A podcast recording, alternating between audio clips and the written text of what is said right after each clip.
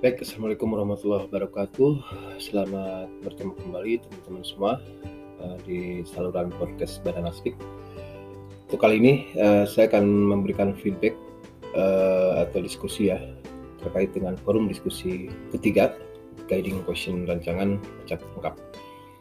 Makasih teman-teman juga sudah uh, berusaha menjawab melalui podcast juga. Makasih bagus-bagus. Nah ini saya sekarang uh, memberikan uh, feedback sedikit ya. Jadi yang pertama, apa itu rancangan cek lengkap? Jadi uh, rancangan lingkungan ini ya, salah satu contoh rancangan lingkungan, di mana uh, keyword utamanya itu adalah lingkungannya homogen. Maksudnya bagaimana homogen itu? Artinya lingkungan-lingkungan sekitar apa satuan percobaan nanti itu bisa dikendalikan.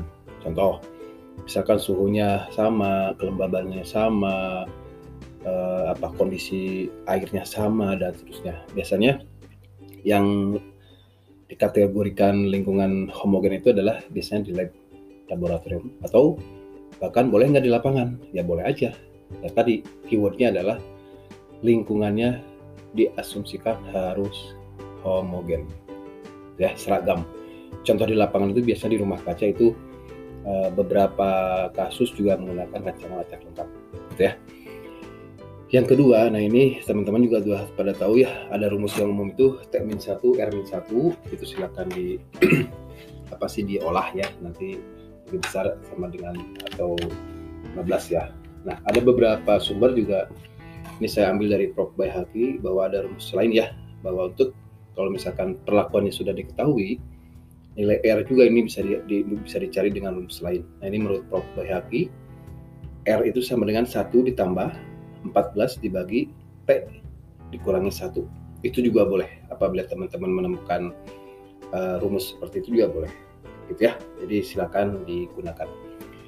Oke, kemudian juga di sini ada yang mengaitkan bahwa semakin banyak ulangan dan perlakuan atau perlakuan itu semakin uh, presisi atau semakin tepat penelitiannya. Jadi teman-teman bergantung ya, uh, bergantung kebutuhan kita nanti. Kalau memang materi genetiknya kita sedikit, ulangannya sedikit, ya nggak ada masalah. Tetapi secara umum memang ada kaitannya antara semakin banyak ulangan itu uh, semakin presisi atau semakin tepat data yang akan kita ambil. Itu itu secara formalnya ya secara bakunya. Tetapi dalam praktiknya kita boleh aja menggunakan ulangan sedikit atau pelakuannya uh, sedikit karena sesuai dengan disesuaikan dengan materi genetik kita. Seperti itu ya. Oke nomor tiga fungsi F atau ANOVA dan UGF analysis of variance itu digunakan untuk melihat perbedaan uh, semua perlakuan yang kita uji. Gitu ya. Jadi dengan ANOVA analysis of varian apakah dengan uh, apa namanya perlakuan yang kita uji kemudian dengan lingkungan yang kita terapkan itu uh, ada pengaruhnya enggak? Apakah karena pengaruh lingkungan atau karena pengaruh perlakuan? Seperti itu itu analisis of variance. Nah untuk menge mengetahui tadi ya apakah pengaruh lingkungan atau apakah pengaruh perlakuan itu digunakan uji F. Jadi cara pengambilan keputusannya teman-teman sudah tahu. Apabila yang signifikan artinya betul bahwa perlakuan itu yang berpengaruh terhadap karakter tinggi tanaman misalkan. Kalau misalkan uji F-nya non signifikan artinya eh, bahwa perlakuan itu tidak respon terhadap eh, karakter tanaman. Jadi nggak ada respon apa-apa seperti itu ya. Nah intinya itu uh, dengan ANOVA dan UGF eh, itu sangat perlu. Kemudian nomor 4 berasal dari manakah data yang dianalisis untuk ANOVA dan UGF. Nah pada video sebelumnya saya sudah sudah menjelaskan ya teman-teman silakan dicek lagi bahwa ada uh, lay, layout atau desain di lapangan itu ada yang one row plot ada yang square plot. Silakan di situ teman-teman dicek kembali.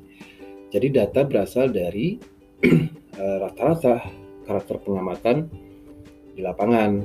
Nanti di sana ada sampel ya, masih ingat ya, ada sampel. Jadi data ini diperoleh dari sampling, dari sampel yang kita tentukan.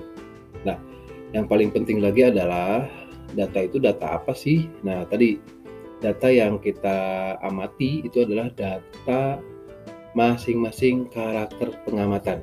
Jadi teman-teman nanti uh, banyak karakter pengamatan yang diamati. Contoh tinggi tanaman, jumlah daun, jumlah biji per polong, misalkan jumlah uh, polong atau jumlah uh, tongkol per tanaman pada jagung, misalkan jumlah polong per apa per uh, kalau pada kedelai, per malai, per dan seterusnya lah banyak ya. Nah itu itu adalah karakter pengamatan. Jadi data itu adalah data per karakter pengamatan. ANOVA itu adalah ANOVA per karakter pengamatan. Itu yang penting. Oke, cara menarik kesimpulan UGF uh, tadi sedikit sudah saya singgung. Jadi apabila UJF-nya signifikan itu adalah menunjukkan bahwa perlakuan tersebut artinya uh, berpengaruh begitu ya menyebabkan perbedaan pada karakter-karakter tanaman. Kalau misalkan non signifikan uh, itu artinya perlakuan yang kita uji itu tidak berpengaruh apa-apa terhadap karakter tanaman tersebut. Nah, yang paling penting pada uji EF nanti teman-teman membandingkan dengan uji dengan tabel tabel ya, dengan tabel apa namanya? tabel F, tabel uji F, tabel sebaran uh, F. Jadi di sana nanti uh, nilai uji F di ANOVA itu harus lebih besar daripada F tabel. Itu yang signifikan. Kalau lebih kecil dari F tabel, itu non signifikan. Itu barangkali uh, yang bisa saya jelaskan, teman-teman.